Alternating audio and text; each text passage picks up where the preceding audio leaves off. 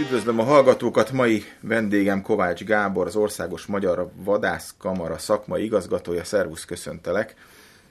Szervusz. És a mai témánk a vadgazdálkodási alap.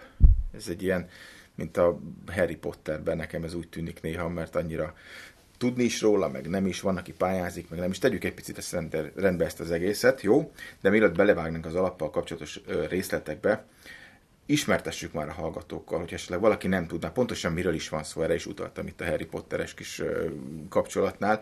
Tehát mióta tart a program, mi a célja, mikre és hogyan lehet pályázni. Avas be minket!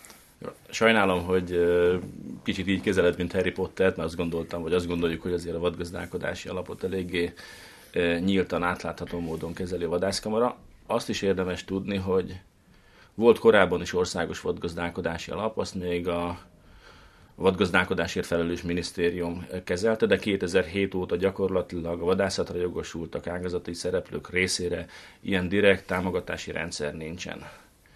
És 2017-ben nyílt meg a vadászkamara számára az a lehetőség, mert kormányzati döntés után a vadászjegyekből származó teljes bevétel, ugye addig a fele volt a vadászkamaránál, másik fele a hatóságnál, illetve a külföldi vadászok által váltott engedélyeknek a teljes bevétele, illetve az ezzel kapcsolatos feladatok is a vadászkamarához kerültek, és ekkor tudott a vadászkamara olyan forrásokat létrehozni, hogy abból vadgazdálkodási célú fejlesztéseket tudjon finanszírozni, illetve akkor hoztuk létre a kiemelt kamarai célok támogatási rendszerünket is, amelyben az ifjúságnevelés, a hivatásos vadászok felkészültségét segítő programokat tudunk támogatni. Tehát 2017-től van az Országos Magyar Vadászkamarán az Országos Vadgazdálkodási Alap.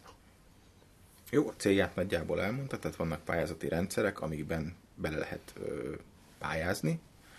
Ö, ugye a februári Nimrod hírlevél 39. oldalán már olvashattunk arról, hogy újabb pályázatok vannak.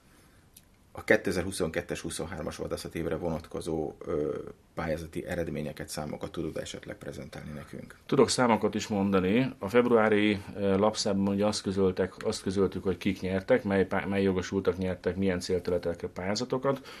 És most egyébként a márciusi lapszámban is fogunk számokat mondani arról, hogy a nyertes pályázók milyen célokra, milyen hektárszámok, milyen vonalas létesítmények, mennyi furtkút, mennyi csapdát sikerült, sikerül nekik az idei évben majd megvásárolni és a vadászterületen fejlesztésre fordítani.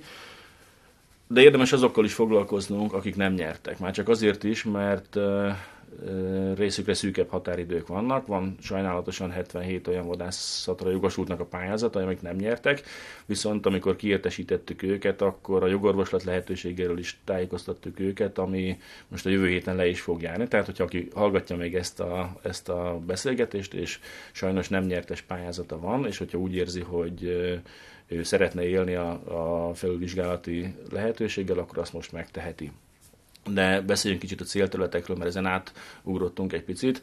Ugye ez a típusú támogatási rendszer, ez olyan, hogy csak bejegyzett vadászatra jogosultak pályázhatnak, és olyan előre meghatározott célterületekre, amelyet a vadászkamarának a vadgazdálkodási bizottsága előtte széles körben összegyűjti a, az ötleteket, javaslatokat, és ennek megfelelően alakítja évről évre ezt a néhány célterületet, ami bepályázható. És ami itt még fontos, fontos megjegyezni, hogy egy pályázatot vagy nyer, vagy nem nyer. Tehát mi részösszegeket nem utalunk ki. Ha te kitaláltál egy projektet, és azt beköltségelted, az abban a formában vagy tud nyerni, vagy nem tud nyerni, hogyha formai hibás vagy súlyos szakmai hiba van benne. Értem.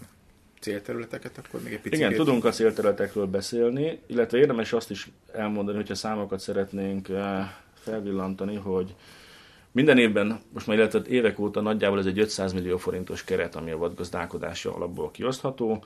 Ebben az évben 561 pályázat érkezett be, és a támogatási igényünk ez 568 millió forint volt, de sajnálatos módon, mint említettem, 77 pályázatot el kellett utasítanunk, vagyis a nyertesek az 484 pályázat és 482 millió forintot fogunk a március hónap folyamán eh, kiutalni a nyertes pályázóknak.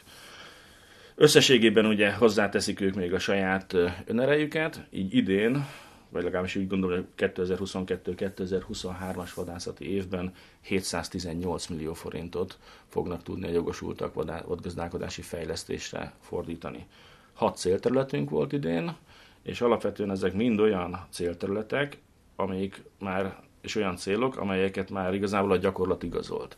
Tehát, hogyha fasort, csenderest, vagy gyümölcsöt telepítesz, vagy kutat fursz, itatóhelyet létesítesz, vásárolsz egy lajtos kocsit, tehát amivel vizet tudsz kivenni, vagy évelő kultúrát telepítesz, mozaikosan a, a vadászterületedre.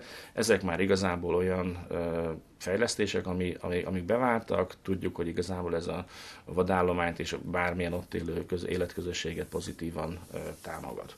És ugye egyik legnépszerűbb pedig még mindig a ragadozó gyérítéses célterület, ahol csapdákra és kotorékozásra lehet pályázni. Értem. Ö, vegyünk akkor egy gyakorlati példát.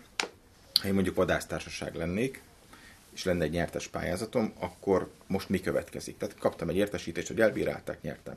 Mi következik? Így van, január végén megkaptad az értesítést, azon az e-mail címen, amit ugye az online pályázati rendszerünkben megadtatok, és ezt mindig felhívtuk a jogosultak figyelmét, hogy olyan e-mail címet adjanak meg, amit ténylegesen napi szinten néznek, hiszen ezen kommunikálunk, nem postai úton, és aki lemarad amiatt, mert nem nézi napi heti rendszerességgel, az sajnálatos módon ugye elveszíti a határidőket, és bizonyos esetben, sok esetben például akár a, a szerződéskötésnek a, a lehetőségét is. És ezen a hét elején, február 7-én az összes nyertes vadászatra jogosultnak, az összes nyertes pályázatához az előre legenerált támogatási szerződéseket kiküldtük. Illetve a kapcsolódó mellékleteket is, mint felhatalmazó levél, és egy tájékoztató is, hogy hogyan kell eljárni.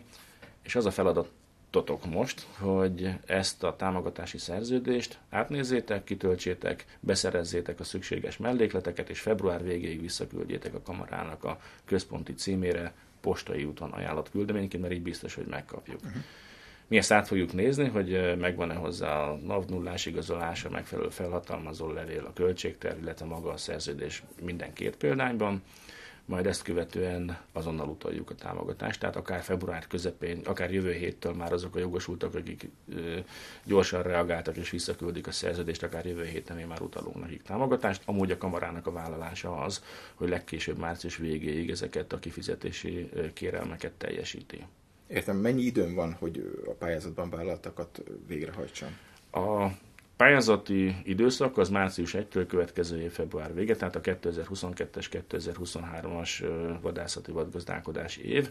Ez időszak alatt betervezett fejlesztéseket, tevékenységeket és számlával lefedett tevékenységeket, kifizetett tevékenységeket lehet a pályázatban elszámolni. Értem, ez egy elég nagy, magas száma. Mondjuk a össz vadásztársakhoz képest kevés, de amúgy egy nagy pályázati szám. Ennek hogy zajlik az ellenőrzése? Szúrópróbaszerűen? Tehát, hogy valóban arra költötte, nem pedig szétdobták aztán igen, a, már a kezdetek kezdetén is sokat beszéltünk arról, hogy ezeknek a kifizetéseknek akkor van értelme, hogyha ténylegesen le is ellenőrizzük, hogy az adott célt, amit a vadászat jogosult saját maga megfogalmazott a vadász területére vonatkozóan, azt ténylegesen le is ellenőrizzük.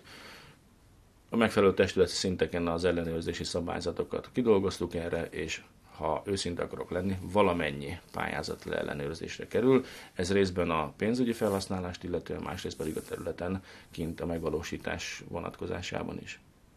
Ezért ez nagyon jó. Tehát ez, ez egy jó szám. Hogyha ha mindent le tudtok ellenőrizni, akkor ott van apparátus hát, erre. Egyrészt azt gondolom, egyrészt van apparátus, mert a, amit leellenőrz, az ellenőrzés a területi szervezeteknél zajlik, mint hogy a pályázatoknak az elővéleményezése is. Mi a szerződéskötést központilag intézők, és hát nyilvánvalóan a, mi magunk is, a, ahogy a szerződésben benne van, mi is ki tudunk menni pályázatokat ellenőrizni. Tehát én azt gondolom, hogy így a, a vadgazdálkodási alap a pályázati kiírástól, meg az ellenőrzésen hát eléggé jól összerakott támogatási rendszer. Van arra tapasztalat, kutatás, vagy valami kimutatás, hogy ezek a pályázatok mennyire segítik a, a hazai vadgazdálkodást? Ez egy érdekes kérdés, természetesen van. Igyekeztünk egy hatásvizsgálatot erre a pályázati rendszerre megrendelni.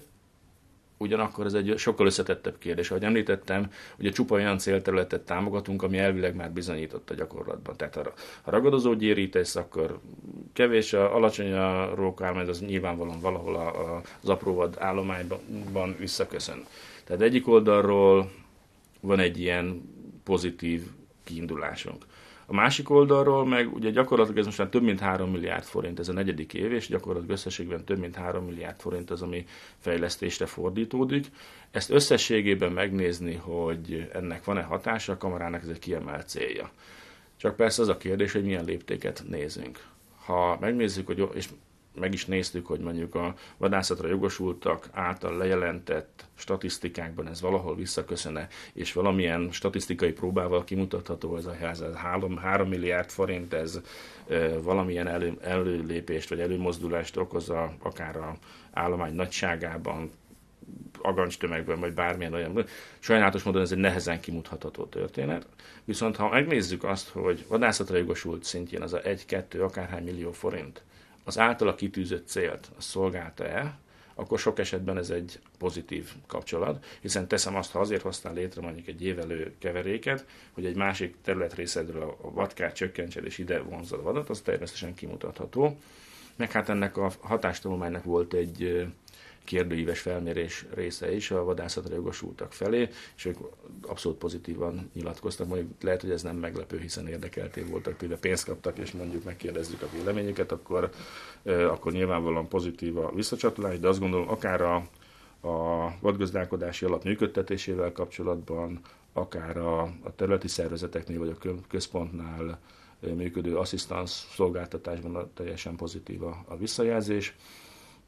Bízunk benne, hogy azért előbb-utóbb megtaláljuk azt a, azt a folyamatot, vagy azt a kapcsolatot, ami miatt ez jelentkezik majd a vadállomány szintjén is, hogy bár ugye vannak más hatótényezők is, hiába csinál mondjuk 2-3-5-10 itatolgödröt, hogy olyan szárazság van, ami, ami ezen túlmutat, vagy olyan természeti katasztrófák, hatások vannak, amit, amit nem, nem biztos, hogy ez a vadgazdálkodási alapból finanszírozott fejlesztés ez tud, vagy el tud hatást gyakorolni.